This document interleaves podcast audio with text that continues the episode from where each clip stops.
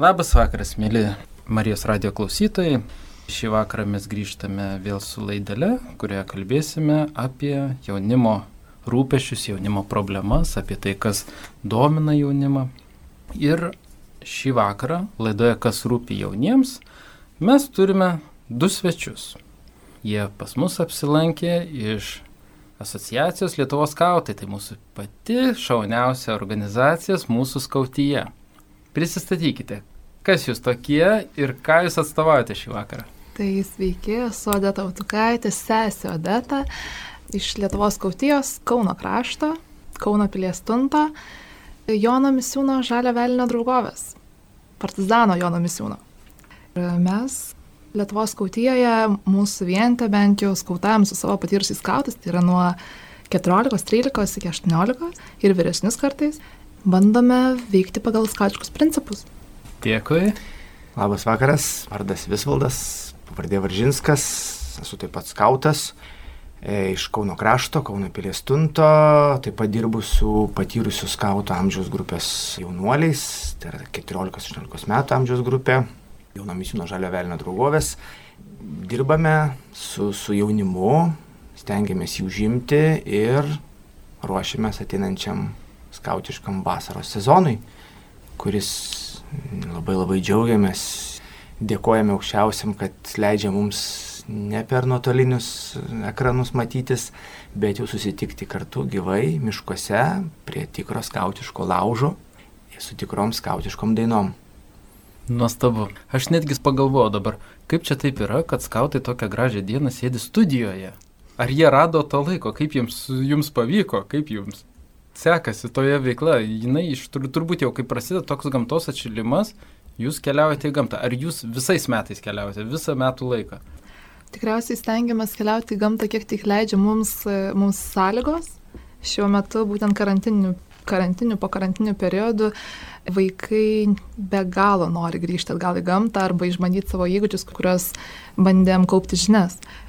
Tai tiesiog jie labai labai trokšta to. Mūsų veikla vyksta nuo stovyklų, sueigų, bet viskas pagal, pagal reguliacijos kartai žmonės galvoja, kad skautai yra tie, kurie susirenka vasarį stovyklas, kartu pabūna, išsiskirsto ir, ir paskui vėl susimato po, po, po metų. Tai skautiška veikla ir skautiškų įgūdžių tobulinimas ir skautiškos programos įgyvendinimas trunka visus metus. Tai yra nuolatinė intensyvi veikla kuri yra tokia pat stipri ir intensyvi tiek ir rudenį, tiek ir žiemą, tiek ir pavasarį. Ir aišku, vasara tas metas, kada mes turime galimybę išbandyti tuos visus įgūdžius, patikrinti, pra, pras, pasižiūrėti, kaip mums sekėsi išmokti ir taip toliau. Skautų stovyklos, jos, aišku, yra truputėlį kitokios negu vaikų ir jaunimo stovyklos, tos tokios, kur visi ten gyvena pastatuose, mėga lovose, o valgyklą duoda valgyti ar ne. Mes gyvename miškuose, palapinėse, mes kaiminamės valgyti, mes patys statom pionerijos dalykus iš, iš medžių, statom stalus, kėdės, bokštus, tiltus.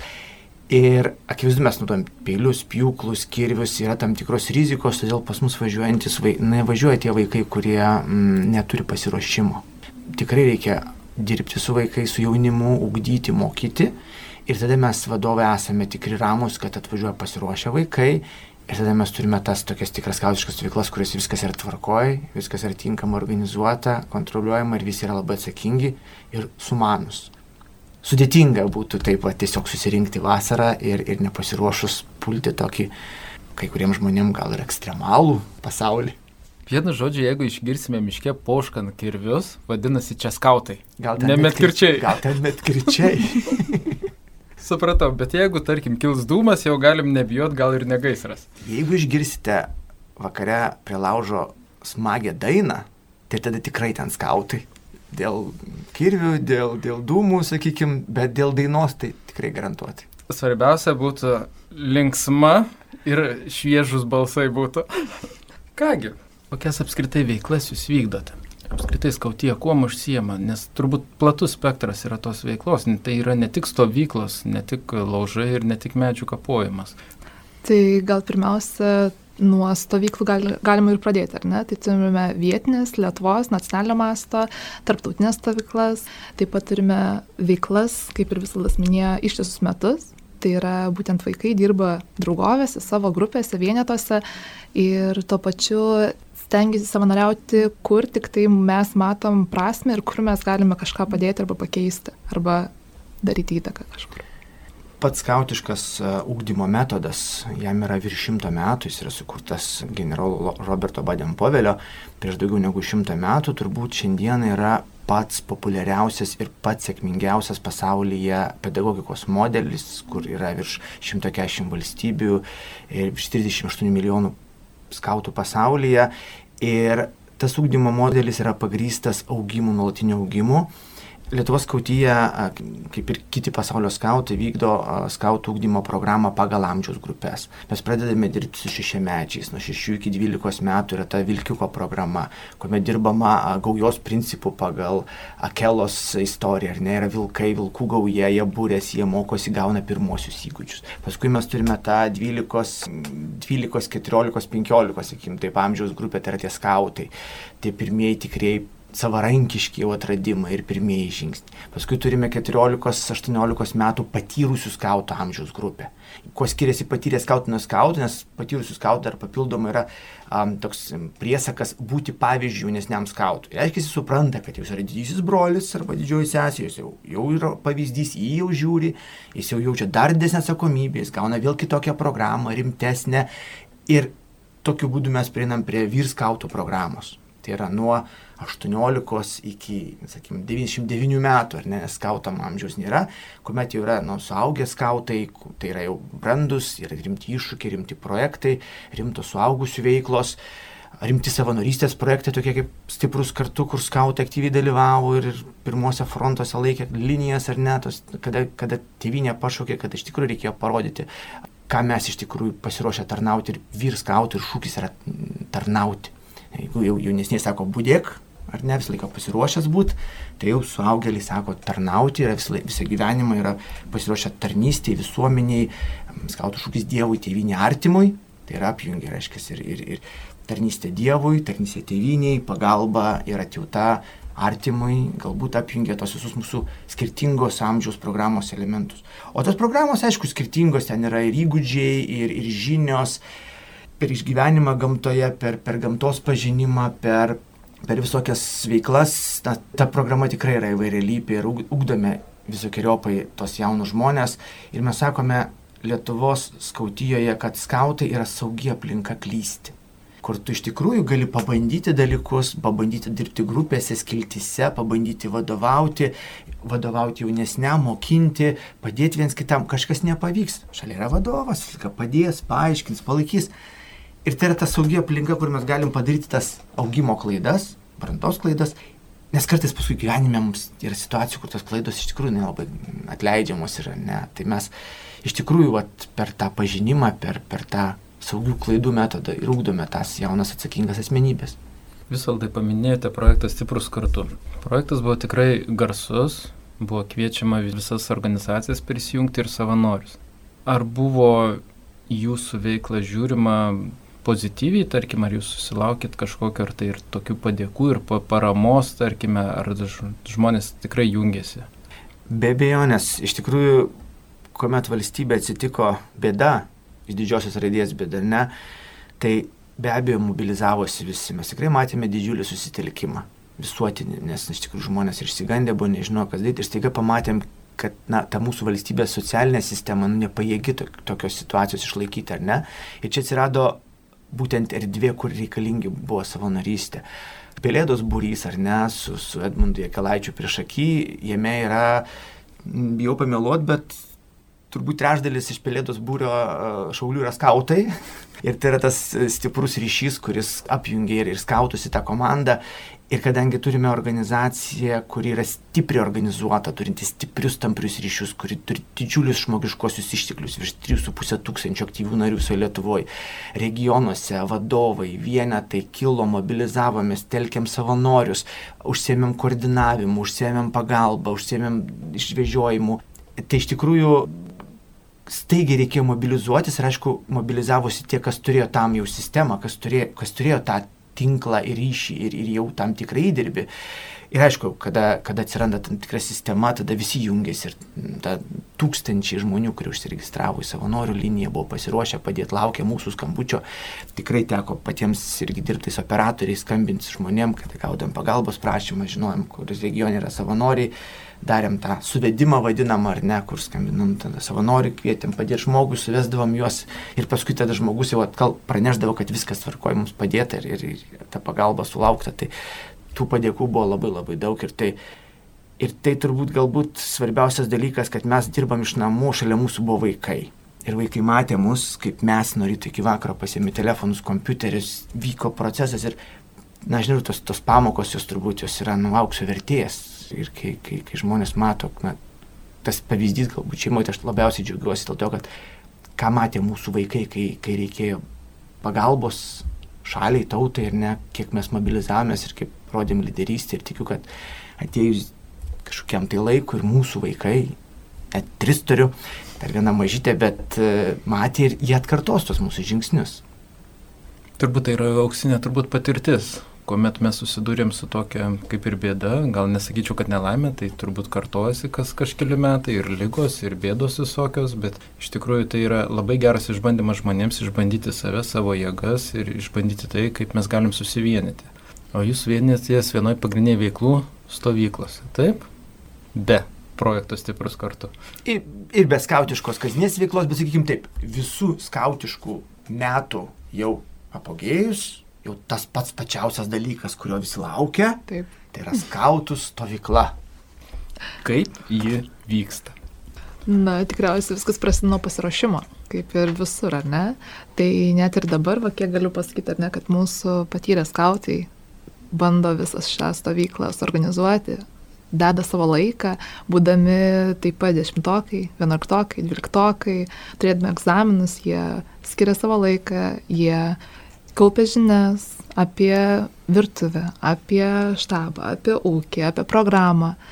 Ir tada turbūt kiekviena stovykla nuo to ir prasideda nuo štabo, nuo stipraus pasiruošimo, ateimas toj stovyklai, surinkimas visų vaikų, sužiūrėjimas, apgalvojimas visų dalykų kaip saugumas, daiktai, visas inventorius. Na, tikriausiai be viso šito svarbiausia tai, kad visos stovyklos yra skirtos vaikams. Jų įgūdžių patikrinimui, jų laikui kartu, bendravimui, ypač tokiu sunkiu periodu, kuris buvo anksčiau šiais metais, ar ne, kad kai vaikai psichologiškai, emociškai tikrai buvo paveikti, Tai mums grįžimas į tą tiesioginį kontaktą su vaikais, į stovyklas yra turbūt neįkainojamas. Šie metai iš tikrųjų išskirtiniai yra. Išskirtiniai tuo, kad e, tam, kad padaryti gerą stovyklą, be abejonės reikia labai stipriai pasiruošti, apgalvoti viską, pradedant maitinimą, teritoriją, saugumą, maudimąsi, higieną, tualetus, geriamą vandenį, malkas, medieną, pionieriją, įtikimus, taip toliau, logistikas, nu, žodžiu, labai daug dalykų, kai tu turi plinam laukia darai renginį, ar ne, ir tu vaikai ir gyvens, ir valgys, ir turi saugus ir sveiki būti savaitę laiko, ar ne, tai toks savotiškas iššūkis. Ir šitie metai buvo labai sunkus, nes be abejo, nes mes pradėjom apie stovyklą galvoti nuo metų pradžios, aiškiai, sausio pirmą dieną mes pradėjom galvoti apie stovyklą ir jai ruoštis. Ir ko, ką mes turim sausį, sausį mes turim tragišką situaciją, valstybė uždaryta, visiškas gilus karantinas ir niekas neaišku. Laikas bėga, vis dar neaišku, netgi balandį gegužę mes tikrai neturėjom jokio aiškumo. Aišku, skautai čia irgi ėmėsi lyderystės. Labai intensyviai bendravom su švietimo mokslo sporto ministerija. Asmeniškai teko šnekėti su ministerija Jurgitas Šiukždinienė, su kuria tikrai labai daug diskutavom. Ir čia skautai rodė lyderystę, nes dirbom intensyviai siūlydami, rengdami rekomendacijų paketus, rengdami taisyklių projektus. Aš suprantu, ministerija yra labai sunku, ten mokyklos uždarytos, krūvos problemų ir be tų skautų, ar ne? Tai jiems dar susijęs sugalvot, kaip tos stovyklos turi vykti. Ir šiaip yra sunku, tai mes ėmėmės lyderystės, mes ruošiam tos pasiūlymus, tų tvarkų, sėdėjom ir galvojom, kaip sukurti burbulus, kaip užtikrinti saugumą, kaip padaryti taip, kad išvengti rizikų, maksimaliai išvengti tų rizikų. E, teikiam tos pasiūlymus ir be abejo ministerija patvirtino juos ir, ir, ir mes jau birželio pradžioje pačioje jau žinojom, kad galėsim daryti stovyklą, nes laikas yra labai svarbus pasiruošimui, tos tvarkos išėjo, prašai išėjo, dabar aišku mes matom, kad situacija dar labiau gerėja, bet kokiu atveju pagrindinė, galbūt, vat, gal tėveliai klausys ir nerimauti, kaip šitos stovyklos bus, kaip čia užtikrintai. Pagrindinė taisyklė yra ta, kad bet kokiu atveju mes bandome, siekiame padaryti burbulą. Reiškia, atvažiuoja vadovai, kurie dirba su vaikais, aptarnaujant savanoriais, kaip sakom, suaugėliai. Ne? Suaugėliai gali atvažiuoti tik tai, jeigu jie turi abi dvi vakcinas, jeigu turi persirgę su COVID ir turi antikūnius arba pasidarę testus 24 valandos PGR su dokumentais, žodžiu, visiškai susitikrina. Jokių atvažinėjimų, užvažinėjimų, ar ne, susirink. Kviečiam vaikus, irgi diskutuojam ir manau, kad nesakysim tos idėjos, vis dėlto darysim galbūt greituosius testus, ir čia pat einančius vaikus labai lengva dabar greituosius testus per 15 minučių pasitikrinti ir tikrai būti tikriem, kad neįsileidžiam į stovyklą to gazinančio blogio ar ne, kuris galėtų nutraukti tą stovyklą. Tai jeigu mes iš tikrųjų turim atsisakyti svečių, dažnai pas mūsų stovyklas atvažiuodavo svečiai mm -hmm. su vairiom programom ir taip toliau. Nu ką, sakom, šiais metais viskas užsidarom, susirenkam visi, pasitikrinam, užsidarom, savaitę stovyklaujam, patys darom programą, patys švenčiam ar ne, ir tada jau paskui tėvelė atvažiuoja pasimti. Tokiu būdu manome, kad jeigu neįsileisime virų, jeigu viską darysim teisingai, dezinfekuosim, laikysim tai viskas bus tvarkoje. Ir tikėtina, kad, kad taip ir bus. Tai tikrai galvom apie tai ir šitos stovyklos ypatingos to, kad ta post-covidinė situacija, aš sakau post-covidinės, tikiuosi, kad jau čia pasibaigs birželį karantinas nacionaliniu mastu, bet bet kokiu atveju mes, mes būdime, mes ruošiamės ir vienintelis tikslas užtikrinti vaikų sveikatą ir saugumą. O kaip pernai jums sekėsi? Pernai tokį turėjom irgi planuotos buvo savaitės vasaros pradžios stovyklos, tai kai kurios, daugelis jų neįvyko stovyklų, daugelis, e, keletas stovyklų nusikėlė į vasaros e, e, galą, irgi buvo saugojimas, irgi buvo saugumo priemonės, tačiau nepasakyčiau, kad praeitą vasarą būtų tokia pilna stovyklų renginių, vėlgi tas toksai gal net ir truputėlį tos, tos paimės pernai buvo mažiau, nes buvo ta pirmoji banga, paskui kažkaip jį nuslūgo, visi sako, kad jau čia viskas bus labai gerai ir tos drąsos atsirado, mes matėm po, po antrosios bangos, kad, kad vis tik tai mes negalim taip jau labai laisvai atsipalaiduoti ir kad turbūt iš principo galbūt ir gyvenimas jau mūsų pasikeitė negrižtamai kai kuriuose dalykuose ir kai ką mes vis dėlto jau turėsime visą laiką daryti kitaip. Ir, ir tas naujoji realybė, sveiki atvykę į naują realybę, skautai taip pat atvyksta į naują realybę. Jo, iš tikrųjų, kodėl ta realybė turbūt ir sena, aš labai gerai pamenu, kuomet daromos ir karinės tokios pratybos, kuomet paimamas pulkelis karių ir išsiunčiamas į mišką savaitį. Grįžta tik tai po savaitės, tai dabar jūs panašiai ruošite jaunimą vos ne kariuomenėje. Mhm. Irgi užsidarimas bus miške, miško burbulė, nieks negalės grįžti anksčiau namo. Aš labai tikiuosi, kad tą karių pulkelį, kai išveža mišką, tai pasiruošia, kad iš, nes paskui ta, tai grįžta, tai ne kas nors, o mes tai norim, kad pas mus visi grįžtų. Tai. Šiaip girdėjęs visko, kad dar iš išorės juos aprūpindavo. pasirūpindavo, telefonai jau buvo visą laiką, tai pasirūpindavo tuo. Dabar klausimas, aišku, pasikeitė šiemet pas jūs dalyvių skaičius, privalės turbūt keistis ar ne? Stovyklose, ar jūs ribosite kažkaip tai kiekį vaikų, nes turbūt jos būdavo vis tiek visada tos stovyklos gausesnės. Tos stovyklos būna skirtingos. Mes turim tokias, kaip sakyti, skirti, skirtingo lygio stovyklas. Mes turim tas vietinės vienetų, ar ne? Pas mus dabar mūsų du tuntai, mhm. tai bus 150 vaikų. Tokias, apie, apie, apie 150. 150 vaikų, tai nedidelė stovykla. Kas du metus mes turim krašto stovyklą, mhm. tai kai susirinka ten, sakykim, Kaune yra keturi tuntai, tai susirenka visi vieną stovyklą. Nu, tai būna apie 400 Taip. vaikų, ar ne? Tai, Nuo 3 iki 500. Jo, tai tikėtina kitą metą. Ir kas penkis metus mes turime jubiliejinę arba tautinę stovyklą. Prieš du metus Rumšiškėse buvo 3500 stovyklautojų. Mhm. Tai akivaizdu, kad tautinė stovykla galbūt čia vasarą neįvyktų. Jeigu turėtų vykti, bet jinai yra 24. Mhm, 24. Man, aš, O tie tos tuntų stovyklos, jos gali vykti, yra patvirtinta dabar švietimo mokslo ministerijos ir sporto ministerijos tvarka kartu su sveikatos apsaugos ministerijos reikalavimais, kad, kad ten riboja na, vaikų skaičių su sąlyga, jeigu vadovai nėra testuoti, bet jeigu vadovai yra testuoti, pasiskėpi ir saugus, ir jeigu tai yra kuriami tie burbulai, Taip. tai iš principo tie vaikai gali būti tose burbuluose, tai tokio kaip ir apibrėžimo nėra. Tai... Ribojimai nebetaikomi toms vaikų stovykloms, kuriuose vaikai ir ir darbuotojai pilnai atitinka sąlygas, tai yra pasiskėpėję, neišvyksta ir... Ir izoliuosi tam laikui. Tas mūsų grupė. burbulo idėja, mes ją pranešėm, kaip sakyti, ir, ir, ir vis dėlto, sakykime, aš, aš kitaip neįsivaizduoju. Arba tu sukuri burbulą ir apsisaugai, arba tu neturi burbulo ir turi rizikas. Tai čia turbūt vėlgi tas naujoji realybės niuansai, naujosios realybės niuansai. Nu, turbūt ugnegesiai gaisra be vandens irgi neina. Nu, ten puta gal dar pabučia. Paskui papūtus gali dar didesnis gaisras būti. Svarbu, ko kapus žinoti. Jo. Būtent.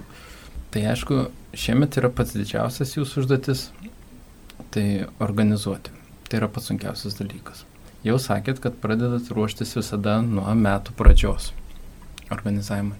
Kiek jūsų komandos narių prisideda prie stovyklos organizavimo ir apskritai kokio tai masto darbas. Turbūt vis tiek tai yra ir vietos turbūt paieška, aš įsivaizduoju. Papasakokit truputėlį, kad aš suprasčiau tai, ko nesuprantu. O dėta stovyklos viršininkė, kiek pas tą komandai dirba žmonių dabar? Sakyk skaičių. Tai gal tai pirmiausia priklauso stovyklos štabas nuo stovyklos dydžio ir kam, kokiam mastui žmonių bus organizuojama. Tai kadangi, kaip ir visas minėjo, pas mus yra du tintai, Tai laukiam šiais metais apie 150 dalyvių, apie 150 ir mūsų štabas daro apie 15-20 žmonių. Tai 10 procentų maždaug. Daug maž. Pats stovyklos organizavimas, jis irgi yra procesas. Stovyklą organizuojate mūsų patyrę skautai 14-18 metų jaunuoliai, kurie organizuodami stovyklą, būdami atsakingi už vieną arba kitą sritį, ar tai yra programa, ar tai yra maitinimas, ar tai yra metpunktas, ar tai yra tiekimas, ar tai yra ūkis, ar tai yra mai, virtuvės įrengimas ir, ir menių sudarimas, jie mokosi. Mes dirbame mentorystės principų. Suaugėliai, tie patyrę dešimtmečius turintys skautišką stažą, mes nesam tie, kurie aiškinam, ką reikia daryti. Mes einam šalia jaunų žmonių, jie patys bando, turi pilną atsakomybę. Kažkur neiškumas padedam, konsultuojam, taip, taip. diskutuojam, mokomės, bet mes deleguojam tą atsakomybę. Todėl stovykloje yra ne tik pasvarbu pati stovykla, pasirinkimo procesas yra ne ką mažiau vertingas, nes tai yra irgi ūkdymosi proceso dalis. Tai yra tas kelias, kurį tie jauni žmonės turi nueiti, įgyti tam tikrus įgūdžius, ne tik tas specifinės žinias įgyti, bet taip pat ir vadovavimo, darbo komandoje, bendravimo, organizavimo, atsakomybės. Ir netgi konfliktų valdymo. Ir netgi konfliktų valdymo. tai yra visas, visas, visas paketas. O, o jūs sakėte, irgi minėjote, kad šiais metais sunkiausia turbūt tas, tas, tas organizuoti, žinokit, didžiausias, galbūt ir ne COVID yra didžiausias iššūkis šiais metais. Iš tikrųjų, aš pasakysiu, Mes dirbame su jaunai žmonėms, su, mm. su 14-16 metų, tai yra tai žmonėm, ta amžiaus grupė, kuriam yra pagrindinis šiandieninis poreikis, tai yra bendravimas su bendramžiais, tai yra asmenybės formavimas ir taip toliau. Metai pusantrų praleisti namuose prie kompiuterio ekrano per Zoomą iš tikrųjų padarė, na, padarė didelę žalą ir, ir tikrai pasakysiu tikrai, matant, šnekant su jaunai žmonėm, mes matėm, kiek tie jauni žmonės nori bendrauti. Mes darėme labai intensyviai suėgas, taip mes darėme per Zoomą, per, per nuotolinės sistemas įvairias. Kartą per savaitę, kartais du kartus per savaitę mes matėm, kiek tiem jauniems žmonėms nori to bendravimo ir kai tik tai jums leido rinktis mažom grupelėm, jau mes darėm suėgas kiltimis po penki žmonės, kad jie išeitų, susitiktų. Ir iš tikrųjų, dabar mes matome kad mes dar turėsime labai stipriai padirbėti, kad atitaisyti tą situaciją, nes iš tikrųjų, ypatingai jau tų 14-18 metų amžiaus grupėje, nu, tas pokytis ir tas poveikis karantinus yra padarytas. Ir mes dėsime visas pastangas, kad tie jauni žmonės kuo greičiau vėl iššoktų į tą savo amžiaus brandos vystimosi pažinimo, bendravimo, asmenybės formavimosi procesą, kuris iš tikrųjų nu, užstrigęs. Ir, ir turime abiturientų. Man labai iš tikrųjų noriu draugovės broliams esam 12 perduot, kad dabar laikote egzaminus stiprybės, jums žinau, kaip, kaip yra sunku, kai mokyklose sudėtinga, mokytojai stresuoja, stresai žemina į tuos vaikus, tėveliai stresuoja, kaip čia dabar bus žaibolaidis tas pats vaikas ar ne, sistemas įstoti reikės, žodžiu, visi labai nervuojasi, nes yra blogai, žodžiu, bet tie jaunuoliai savotiški žaibolaidžiai, kuriuos visi tie žaibai suleidžiami ir, ir, ir tai yra tikrai labai stiprus jauni žmonės, kuriems aš linkiu visiems abiturientams stiprybės, sėkmė, žinau, kad viskas bus gerai ir, ir laikykitės ir tikrai viskas bus šaunu ir esate žymiai stipresni už tos, kurie gyveno labiau komfortiškom sąlygom anksčiau arba kurie gyvens vėliau, ar ne? Tai tos gyvenimo pamokos, daug dievė, kad sustiprintų ir duotų daug, daug, daug naudos. Ja, čia turbūt tokio mūsų pasaulio greičio yra problema, kuomet mes iš tikrųjų labai greitai rėdėjome, tada turėjome labai didelį sąstingį ir dabar norime judėti tuo pačiu greičiu, kurio judėjome, bet mhm. turbūt daugelis esame truputėlį prisnūdę ir iš tikrųjų jau pripratę prie to sustojusio pasaulio, mums reikėjo prie tokio prisitaikyti. Tai faktas dabar įsijudinti iš karto ir pulti į kažkokius darbus beveik turbūt neįmanoma. Turbūt mažai kam pavyksta taip, kad be jokio streso, be jokių pykčių viskas, taip sakant, visi dantračiai pradėtų suktis vienodai. Nors vieni daugiau surūdyja, kiti mažiau.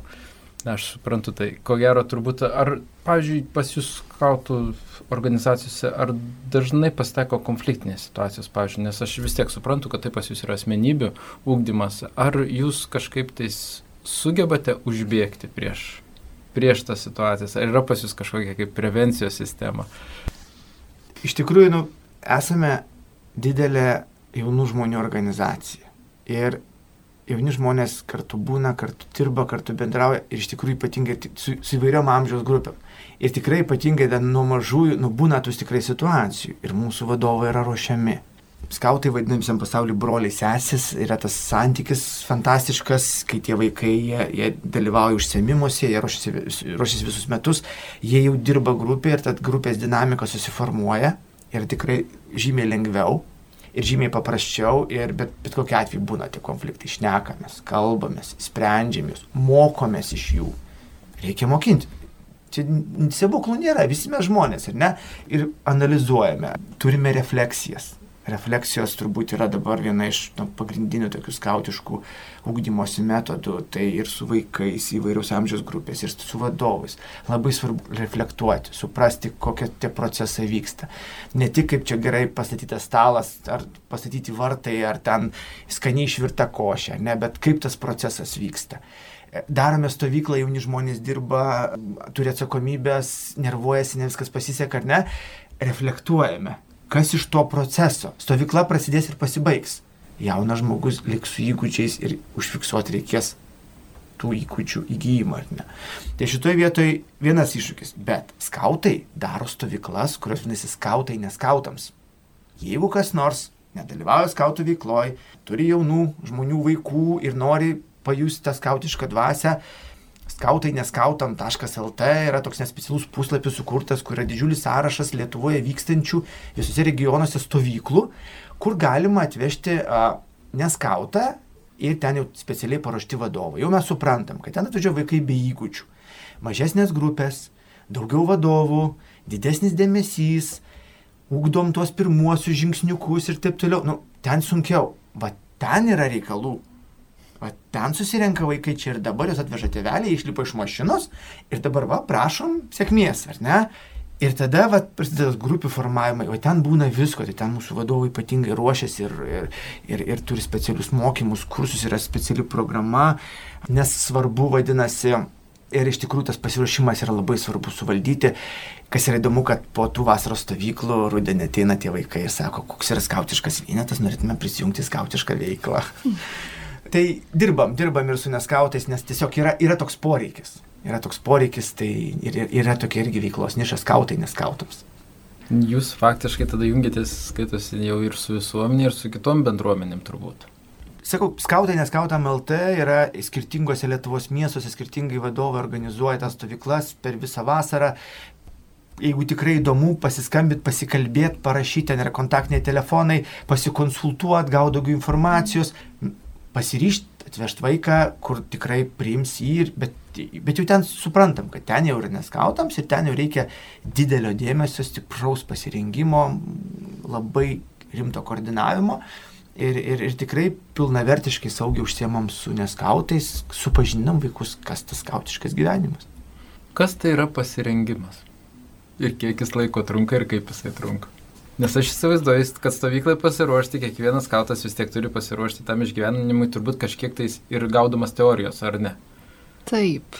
Gal kadangi mes turime dviejų tipų tokias stovyklas, ar ne? Vienas yra skautam, neskautam ir kitas būtent yra jau esamiems skautams, kurie per visus metus arba kelis metus ruošiasi, kaupia, dirbo su savo draugovis, savo vientis, savo vadovais. Jie gilino žinias vienoje ar kitoje srityje ir jau skautų stovykloje jie jas patikrina, jie viską gali įvykdyti, jie gali imtis skirtingų projektų, pionerijos, laužai, kūrimo kažkokių žygių, išlikimo, orientavimuose, to pačiu komandinio darbo. Ir va būtent tos va dvi skirtingos stovyklos pasiruošimas joms ir yra skirtingas, kaip ir sakė Vispaldas, ar ne? Skautai neskautams mes skiriam vaikam, kurie yra visiškai nesusidūrę su skautais ir norėtų išbandyti save ir gal tada pažiūrėti, ar jie nori jungtis, ar, ar, ar vis dėlto rinksis kažką kitą.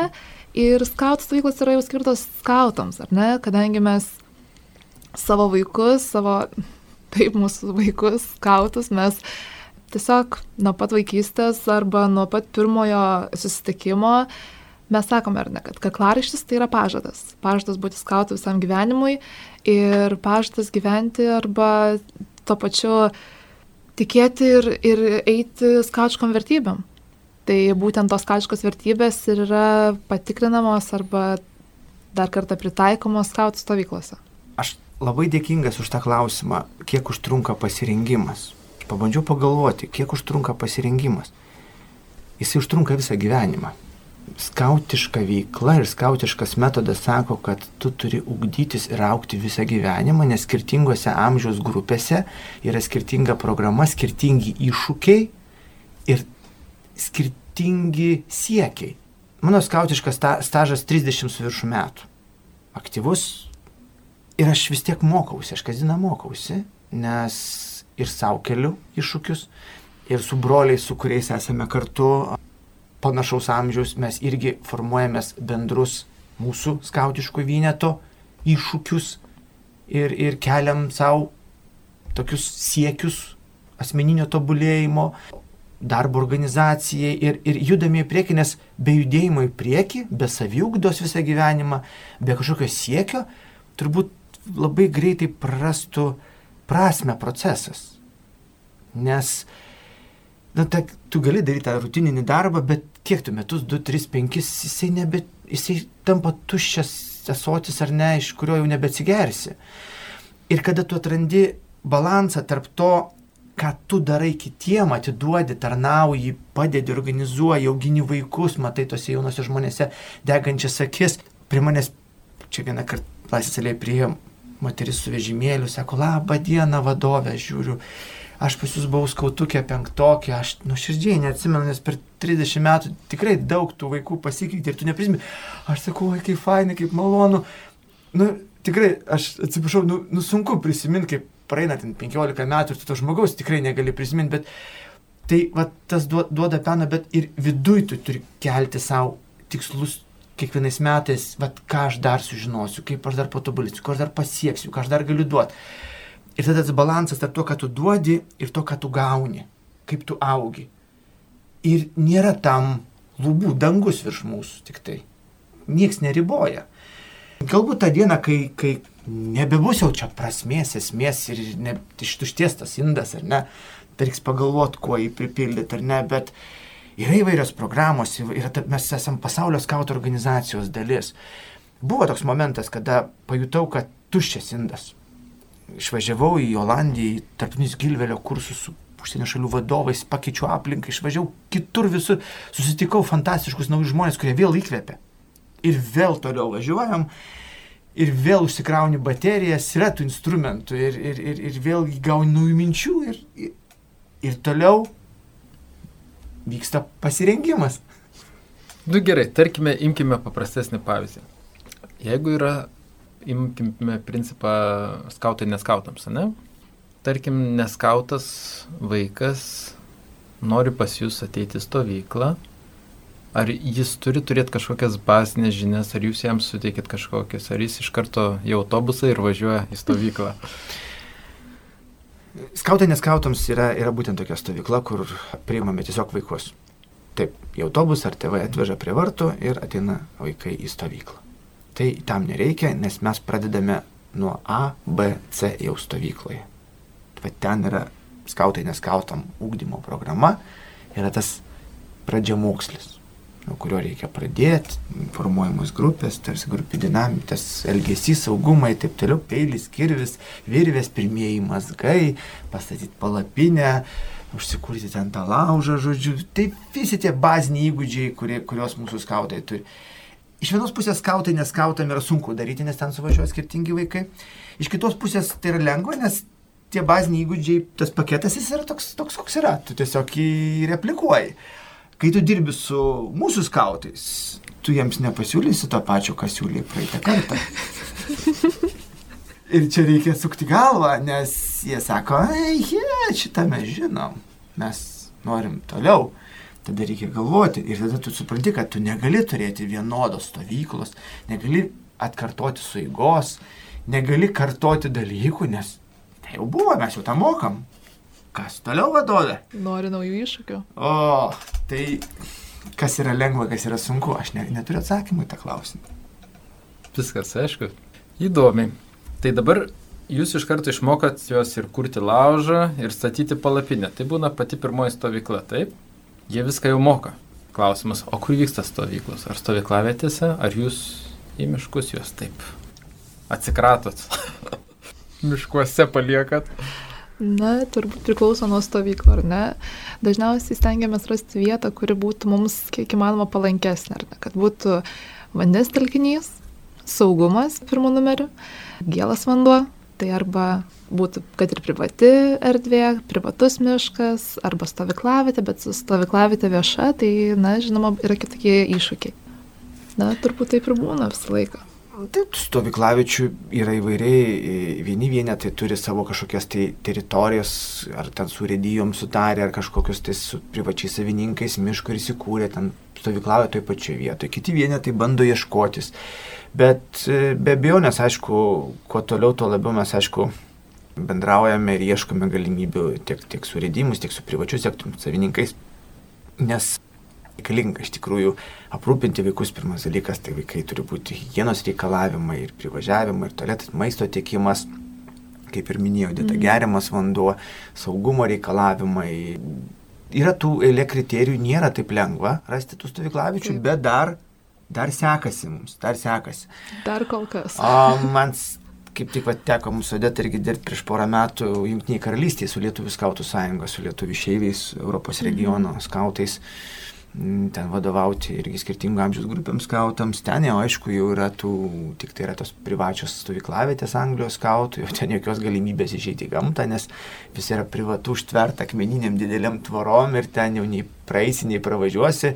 Tai arba tu turi savo tą žemę, teritoriją, kur tu gali stovyklauti ar ne. Mes dar turim daug miškų, daug daug, daug, daug pievų, daug paupių, pažerių, kur galima susitarti ar su, su, su, su regioniais departamentais, ar, ar su, su redijom, ar su, su savininkais. Nes skautai turi taisyklę. Skautai privalo, kur stovyklauja, teritoriją palikti gražesnė negu rado. Tai yra griežta taisyklė.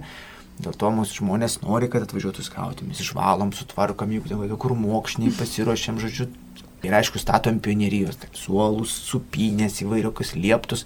Paskui savininkam pasakom, žiūrėkit, kas jums patinka, mes paliksim, kas nepatinka, nuardysim ir, ir nieko ne, nematysit, kad buvo. Tai daugeliu atveju praeina žmonės, sako, o šis suoliukas gražus, ir stalas ir indauja graži, o supinė, o vėliavos tėbai kokie gražus, palikit tą, palikit tą, sakom, tikrai negaila, nu, dievaži, tegul stovi, nu, žmonėm. Tai ir, o paskui tada jau mes kitą kartą, kai sakom, galim atvažiuoti, su malonumu, O jau mes turim savo ir suolus, ir stalus, ir vėliavos tėvų žodžių. Tai tokia dviguba nauda visiems. Ar įvairių koncertų organizatoriai dar nepradėjo jūsų kviesti tvarkyti po koncerto erdvę? Na, ne. A, jo, čia geras klausimas. Numatot, žinot, po koncertų, nu, atitraukiant nuo, nuo skautų, pasakysiu taip, kai įsigalėjo Lietuvoje depozito sistema, tai net ir konkurencija turbūt, kas sutvarkys tą erdvę po koncerto. Aš manau, kad taip iš tikrųjų. Bet visgi grįžkim prie skautų. Taip. Trumpai nuklydom su juokais. Paminėt apie skautiškas tradicijas, tai grįžkime prie to, kas yra tikrai skautiška. Laužus kuriant turbūt daug vaikų mokosi, tėveliai prisideda. Bet vat minėjom apie skambančias gražias dainas miškuose, apie skautiškas vakaronės, skautiškas reikiuotės, apdovanojimus skautiškus. Kas yra tokio skautiško? Ką gali vaikas parasti vat, pas jūs gauti, pas jūs ko negaus? Galbūt eilinė stovykla vaikų organizuojama. Ką jis gali pajausti, kaip jis gali pajausti tą skautišką dvasę? Čia gal ne mūsų klausia. Čia gal reikia klausti mūsų skautų. Mielai. Jo. Pirmas dalykas, galbūt, ko mes skiriamės nuo, nuo, nuo, nuo vaikų ir jaunimo stovyklų, tai stiprus ryšys su gamta. Vėlgi Badėm Povelio sukurtas skautiškas pedagogikos modelis, jis irgi yra, yra paremtas būtent tų jaunų žmonių saviugda per stiprų ryšį su gamta. Ta labai stipriai akcentuojam ir, ir tikrai prisiliesti prie tikros gamtos, prie natūralumo, ją pažinti, išmokti kartu su ją gyventi, suprasti. Ir gerbti. Ir gerbti tai yra tie pamatiniai dalykai, galbūt, kuriuos, kuriuos mes bandome dėkti kiti elementai - patriotiškumas. Mhm. Vėlgi, kadangi mūsų šūkis Dievui, tėviniai artimui, tai mes kitas turim tėvinį elementą, ar net yra patriotiškumas, tautiškumas, atsakomybė. Skautai turi uniformas, kaklaraišius priešrikiuoti, skautai užsitis uniformas, kiekvieną rytą vakarą visi su uniformom reikiuojamės pasitempę. Tuo rodom pagarbą savo organizacijai, savo broliam ir sesėm kitiem, kurie kartu su mumis eina į reikiuotę. Skautai punktualūs, labai svarbu švilpuką švilpę, viskas, turim viską, viršininkas užšvilpę, visi turi vykdyti, ar ne? Tas tam tikras tokios drausmės, drausmės momentas. Kas galbūt dar iš tokių, tokių, tokių mūsų išskiriančių dalykų, na aišku, laužai, dainos, tradicijos, tos skautiškos. Ir turim savo specifinius e, per daug metų susiformavusias, tas laužų kultūrą, žaidimus, e, dainas, atkeliavusias pas mus kai kurie, na jie ir iš, iš, iš Šeivijos Lietuvų skautų sąjungos, kur išsaugojo per okupaciją tradicijas ir 89 metais gražino mums visą paketą, nes prieš pat okupaciją Lietuvos skautų sąjunga perdavė šyvį, išgabeno ir, ir Lietuvų skautų sąjunga tapė tradicijų tiesėja, paskui tos vat, skautiškos tradicijos organizacija buvo atkurta, kad užtikrinti testinumą. Visas paketas toks truputėlį na, kit, kitoks, kitoks ar ne, su ideologija.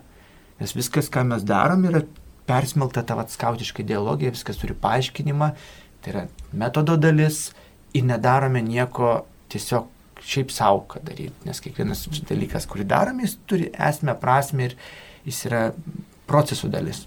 Supratam. Reikia turėti gerą supratimą ir norą mokytis. Ar tiesos yra tame? Aš žinokit ir nežinau, dabar galim ir padiskutuoti, ar mes dar turime prabangos ir galimybių šitame pasaulyje nebesimokyti.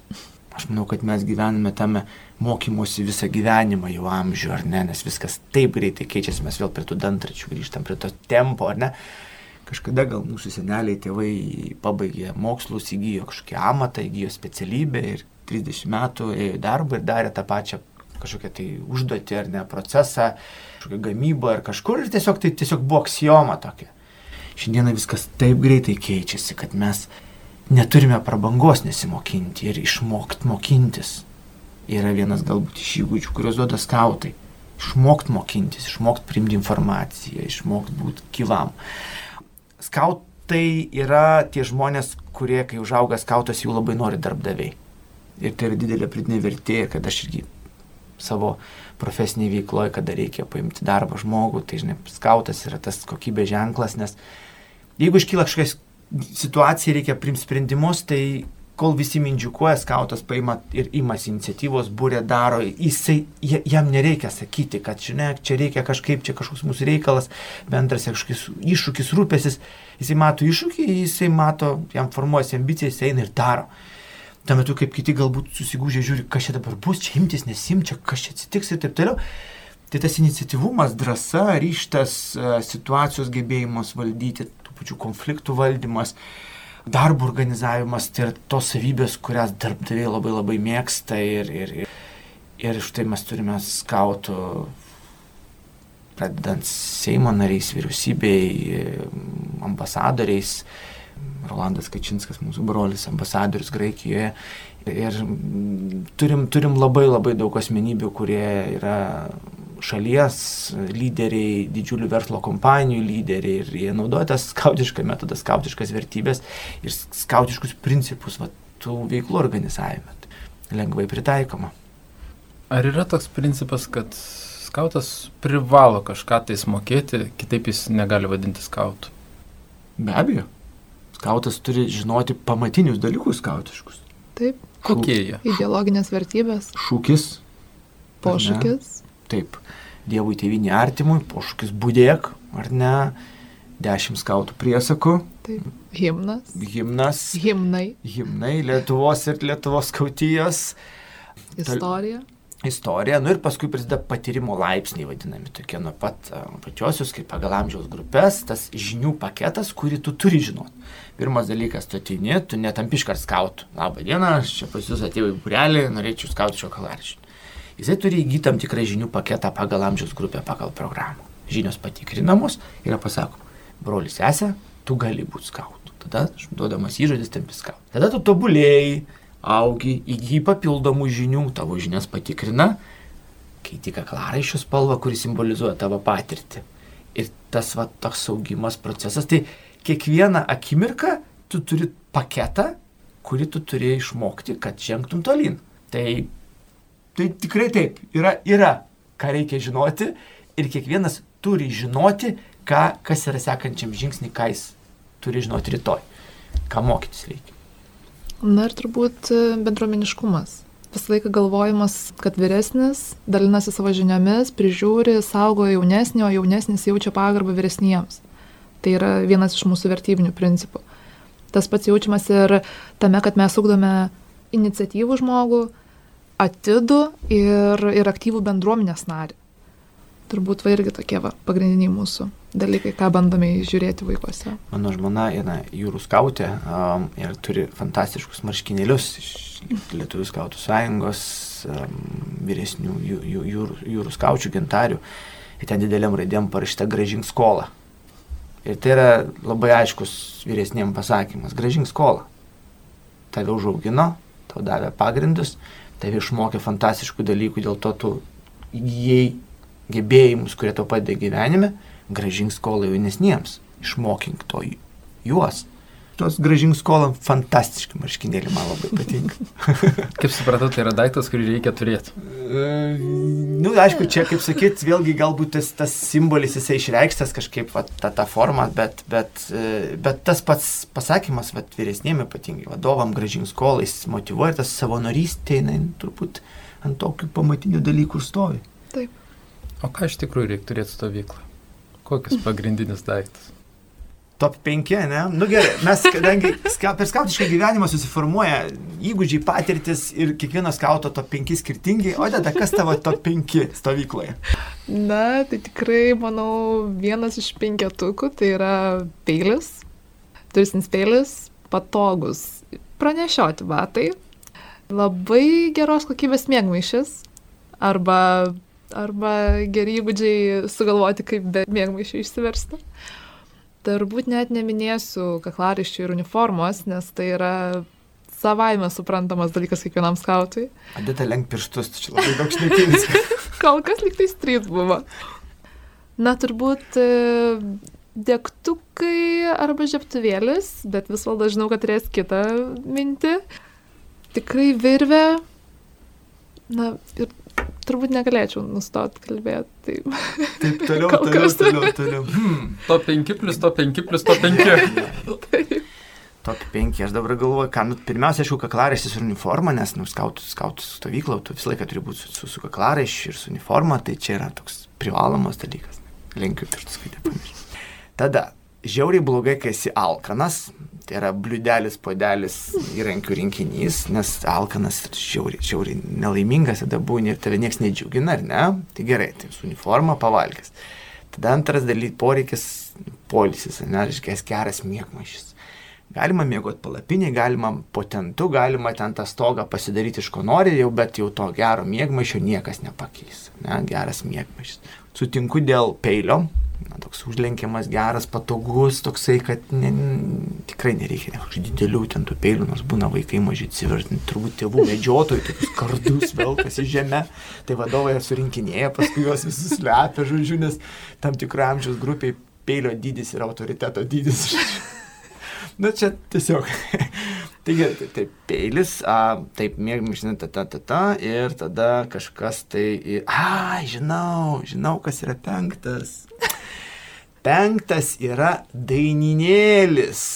Mm, reiškia, susirinkam prie vakarė prie laužo, šimtai dainų, nugi visų tai dainų tekstų nemokė, ar ne? Ir čia pagelbėjo toks storas skautiškas daininėlis, kuriame yra surašytos daugybė dainų ir čia ir dabar greit verti, verti, atsiverti ir dainuoji kartu. Tai tada mano penktas numeris būtų daininėlis. Na nu kągi, su ta gaida tada linksma mes ir pabaigsime laidelę. Reikia tikėtis, kad šventasis Jurgis jūsų globėjas jūs lydės ir globos visą šią vasarą. Ir labai tikiuosi, kad jūsų vaikai tikrai, kurie visi praeis jūsų stovyklą šią vasarą, tikrai sugrįš ir kitą metą. Labai didelis jums dėkui. Laidoje šiandien buvo, ką mūsų Lietuvos kautijos atstovai - Odeta Visvaldas, na ir tas, kuris daug kalbėjo, Mantvidas. Gero vakaro, mėly klausytojai. Ačiū labai, gero vakaro. Ačiū. Iki.